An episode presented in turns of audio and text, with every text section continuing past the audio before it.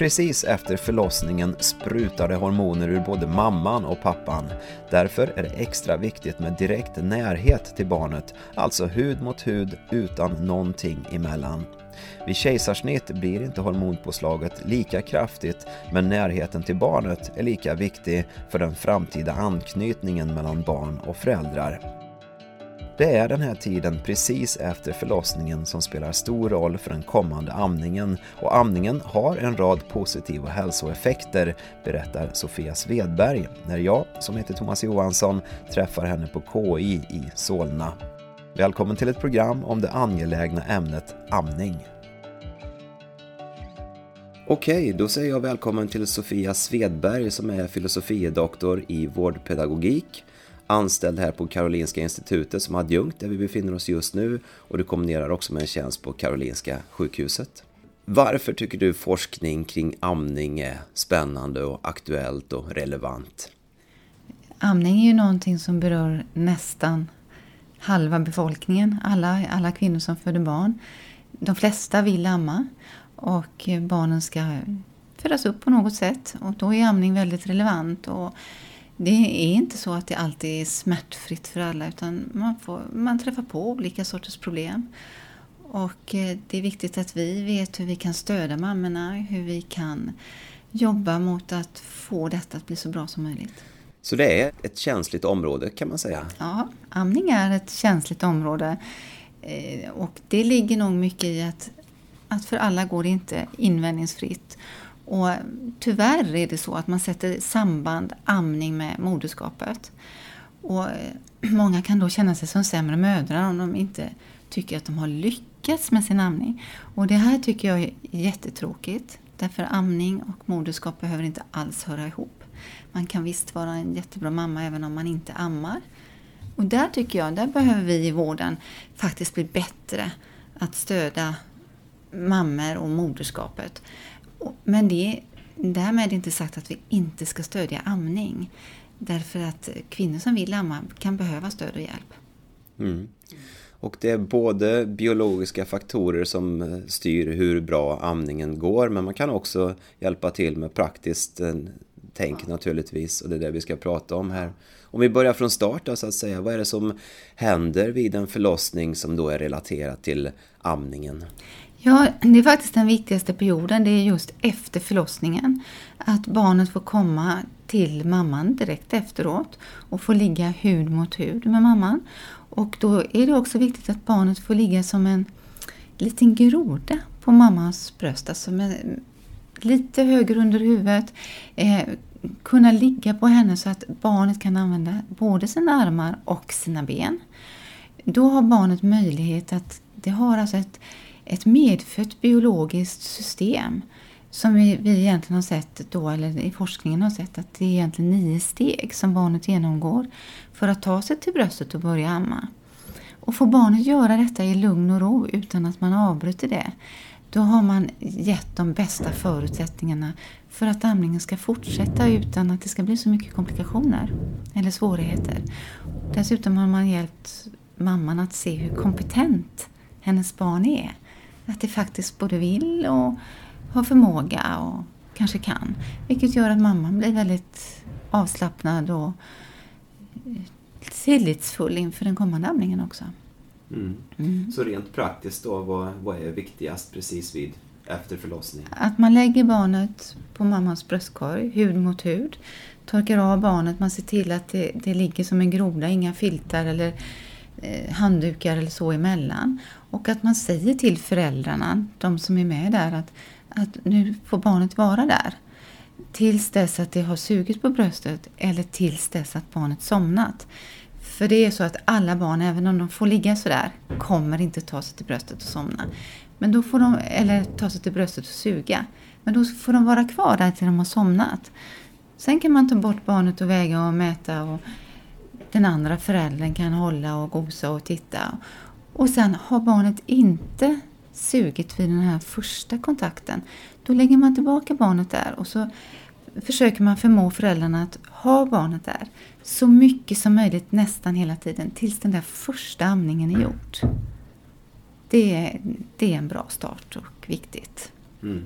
Skulle det vara så att barnet behöver tas iväg och kanske behöver ha lite hjälp för att starta när livet börjar och så, eller hamna på en barnavdelning. Så fort barnet är så pass friskt att det kan komma ut och vara hos föräldern hud till hud så ska man låta den göra det och vara där och starta livet med att ha mycket hud mot hudkontakt. Det är första steget mot amning, så kan man säga. Mm. Och det är faktiskt inte bara mot amning eftersom vi har mycket hormoner precis efter en förlossning. Eh, oxytocinhormonet, lugn och rohormonet, kallas också kärlekshormonet. Det hjälper också mamman att binda sig till barnet. Alltså, och då menar jag öppna upp känslomässigt, eh, eh, förstå barnets signaler. Det gör mamman väldigt mottaglig för barnet. De här hormonerna får pappan också och det är också viktigt att även pappan har barnet den första tiden och, och får ha den här egna kontakten med barnet för att liksom binda sig till barnet och se barnet och öppna upp det här känsliga föräldraskapet. Vad blir det för skillnad rent eh, dels praktiskt men också hormoniellt om man har gjort ett kejsarsnitt? Mm. Eh, en kejsarsnittsförlossning då tar man ut barnet och då det som är skillnaden är ju att barnet inte har fötts vaginalt och fått alla de här påslagen. Eh, det kommer också väldigt abrupt för mamman. Och det vi har sett är att de här kvinnorna har lite sämre eh, oxytocintoppar under amningen två, tre dagar senare. Och vi har sett att barn som kejsarsnittas, de ammas i ja, lägre utsträckning, ganska mycket lägre utsträckning faktiskt. Eh, det tror man ju kanske beror på att, att i situationen så är det inte alla som får ha sina barn hud mot hud direkt efteråt och det kan bli en lång separation innan mamma och barn träffas och så. Så idag vill man ju jobba väldigt mycket med att inte ta bort barnet även om det är en, ett kejsarsnitt.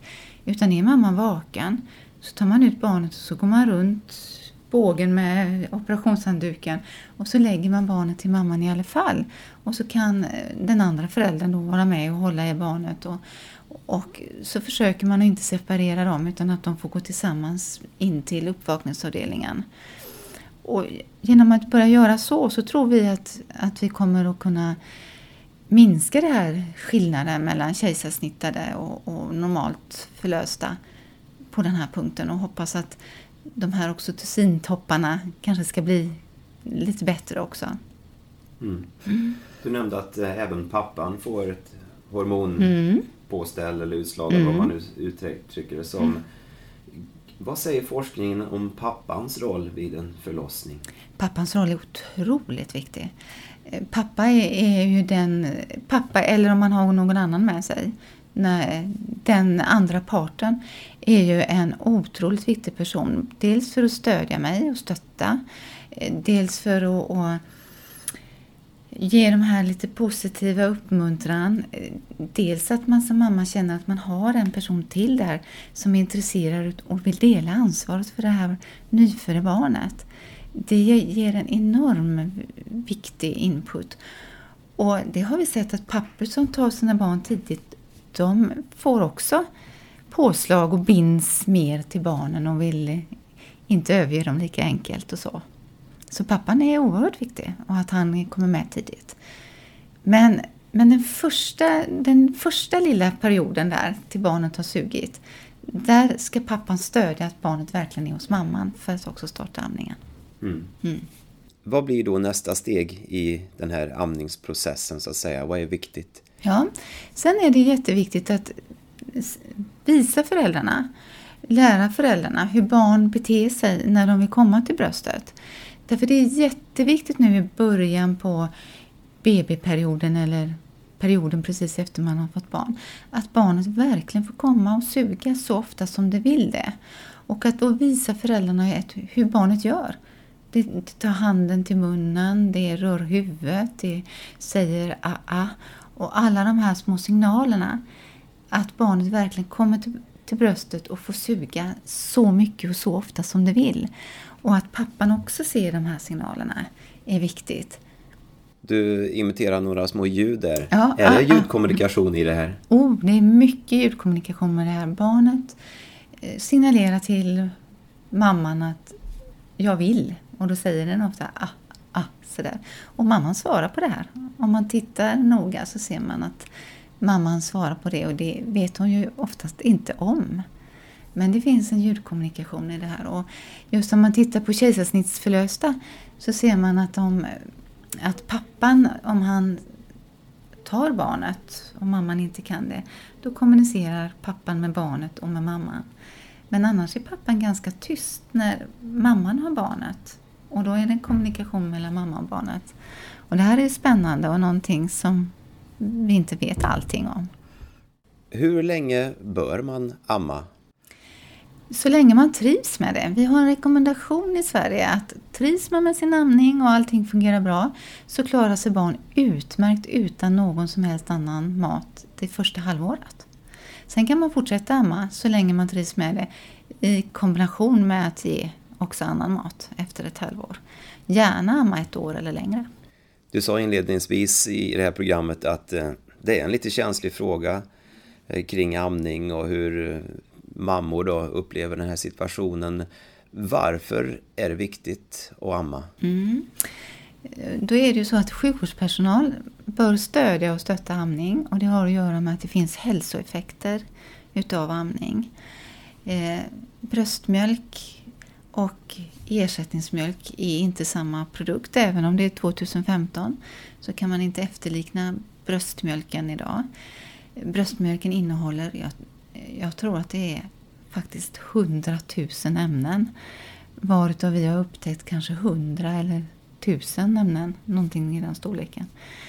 Eh, så ju mer man undersöker bröstmjölk desto mer ödmjuk blir man inför naturen. Man vet att bröstmjölk innehåller stamceller, man vet att eh, bröstmjölk kan eh, skydda mot cancer. Eh, man vet att bröstmjölk innehåller precis de här långa fettkedjorna som är utmärkt för hjärnans utveckling. Alltihopa, alla de här komponenterna gör ju att bröstmjölken är ju naturligtvis det bästa. Även om ersättningsmjölk idag inte är dåligt och ibland jätteviktigt för vissa barn, för de behöver det för att komma igång och har haft kanske en tråkig start och behöver lite mera och så. Men man ska använda den egna mjölken så långt det bara går. Och nu pratar vi bara om bröstmjölken som produkt. Men jag tror också att amningen som, som företeelse, det här att du tar upp barnet i famnen, håller i barnet, det blir också någonting som blir viktigt för barnet för det, det blir på samma sätt varenda gång barnet äter. Varje gång barnet signalerar att det vill ha mat så får det komma till mamma då som ger bröstmjölk och hon låter likadant. Hon luktar likadant, hon tar barnet på samma sätt. Barnet känner att det har kommit till sin omvårdare som verkligen är mån om att det ska överleva. Och just det här att det blir samma likadant upprepat kanske 12-18 gånger per dygn gör att barnet får en trygghet i, i det här samma, lika. Jag har min omvårdare här som tar hand om mig. Och det sker ju per automatik när man ammar. Och den här biten kan man naturligtvis göra även om man inte ammar. Men då måste man tänka efter. Så att det blir det här lika samma. Jag tar upp barnet, jag håller det i famnen. Jag kanske bestämmer att det är jag och så är det pappan. Det är vi som matar och vi ska göra det så lika som möjligt varje gång. Mm. Så det finns två aspekter av amning tror jag. Dels bröstmjölkens innehåll. Dels det här hur man gör rent praktiskt. Som är för barnet viktigt i den fortsatta uppväxten och skapa trygghet och så. Så det här stärker anknytningen mellan barn och föräldrar på sikt? Ja, det gör det. det, gör det. Och man kan inte säga att man kan inte säga så här att bara för att barnet har ammat så är det bättre anknutet. Det går inte för att anknytning det handlar om så många aspekter. Ett väl anknutet barn är ju ett barn som har haft föräldrar som alltid har funnits där när barnet behövt det. Och det kan du göra även om du inte ammar. Men starten kan ju bli lättare om det om ja, amningen, då gör, går det på automatik, per automatik på något vis. Men du kan faktiskt vara en ammande förälder och skita i barnet ganska mycket ändå. Och då blir det inte säkert att det blir bra anknutet. Så att det är ju hur du möter barnet som gör om barnet blir väl anknutet. Det är inte alla som är helt bekväma med, med andning. Jag har en blogg framför mig, Bea Linnea kallar hon sig, Beatrice Elinor Linnea, som har en, en blogg som behandlar eh, föräldraskap och lite annat. Och hon har tagit upp det här med amning. Och i hennes fall så beskriver hon hur hon kände sig stressad kring varje amning. Hon kände inte det här lugnet och ron som eh, man förknippar med amning och som, eh, som kanske är det mest kända också. Det blev ingen mysig stund som hon skrev som alla andra pratar om. Mm. Och det här har påverkat henne psykiskt och hon har inte känt sig helt lyckad efter det här. Eller åtminstone under den här perioden och strax efter. Är det här vanligt? Ja, det förekommer. Ska vi väl säga. Det kanske inte är så där jättevanligt att man upplever det precis så som Lea, vad heter hon? Beatrice eller Linnea. Ja, ja. Att man upplever det exakt på det sättet.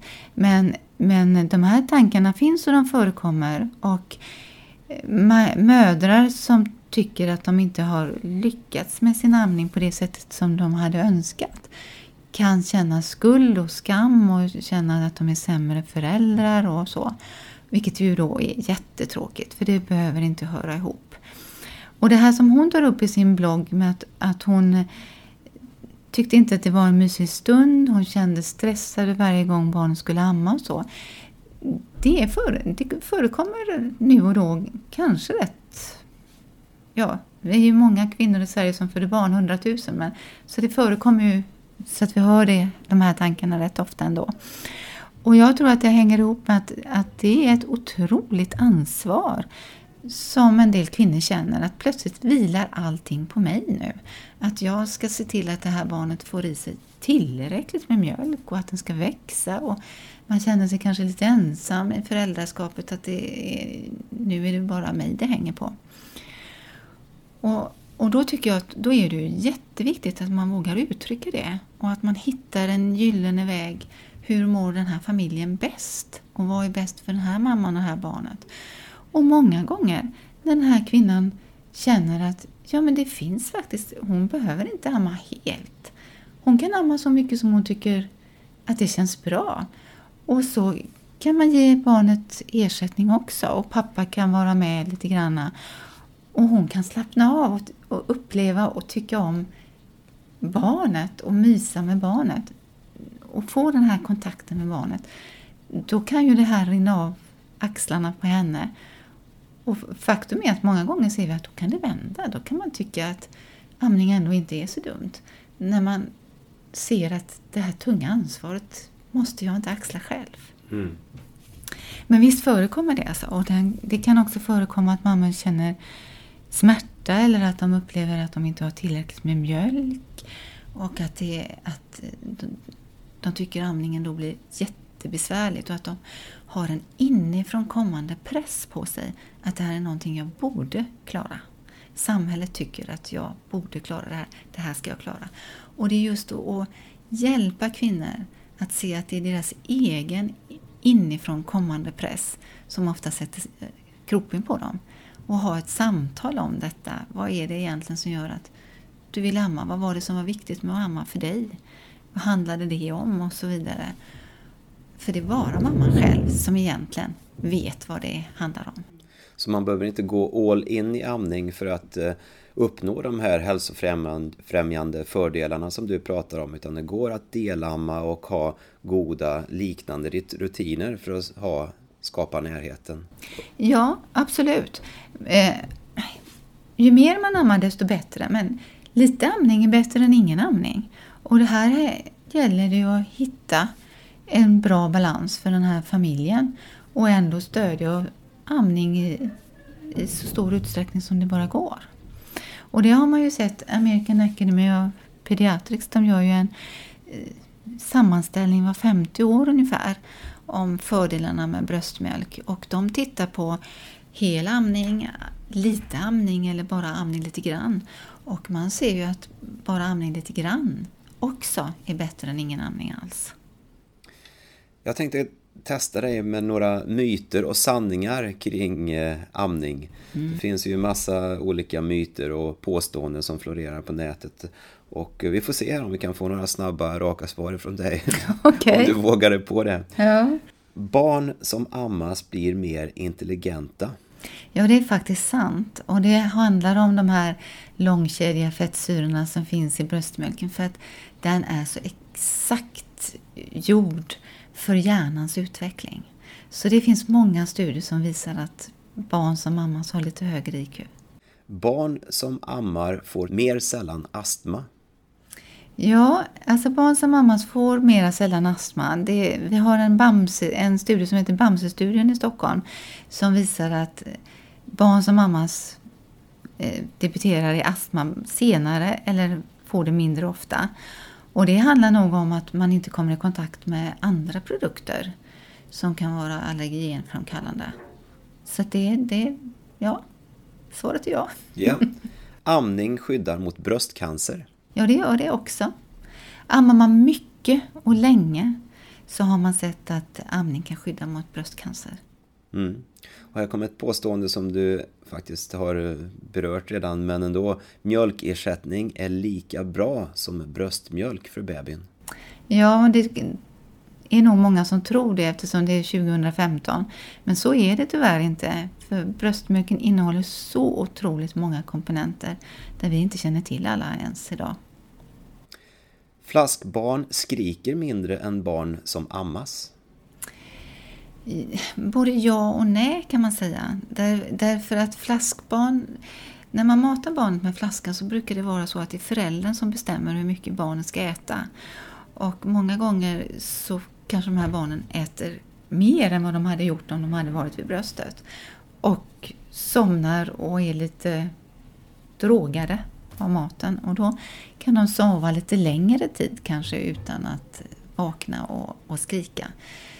Men å andra sidan så brukar mammor som ammar vara väldigt lyhörda och se sina barns signaler kanske snabbare än den mamman som flaskmatar sitt barn.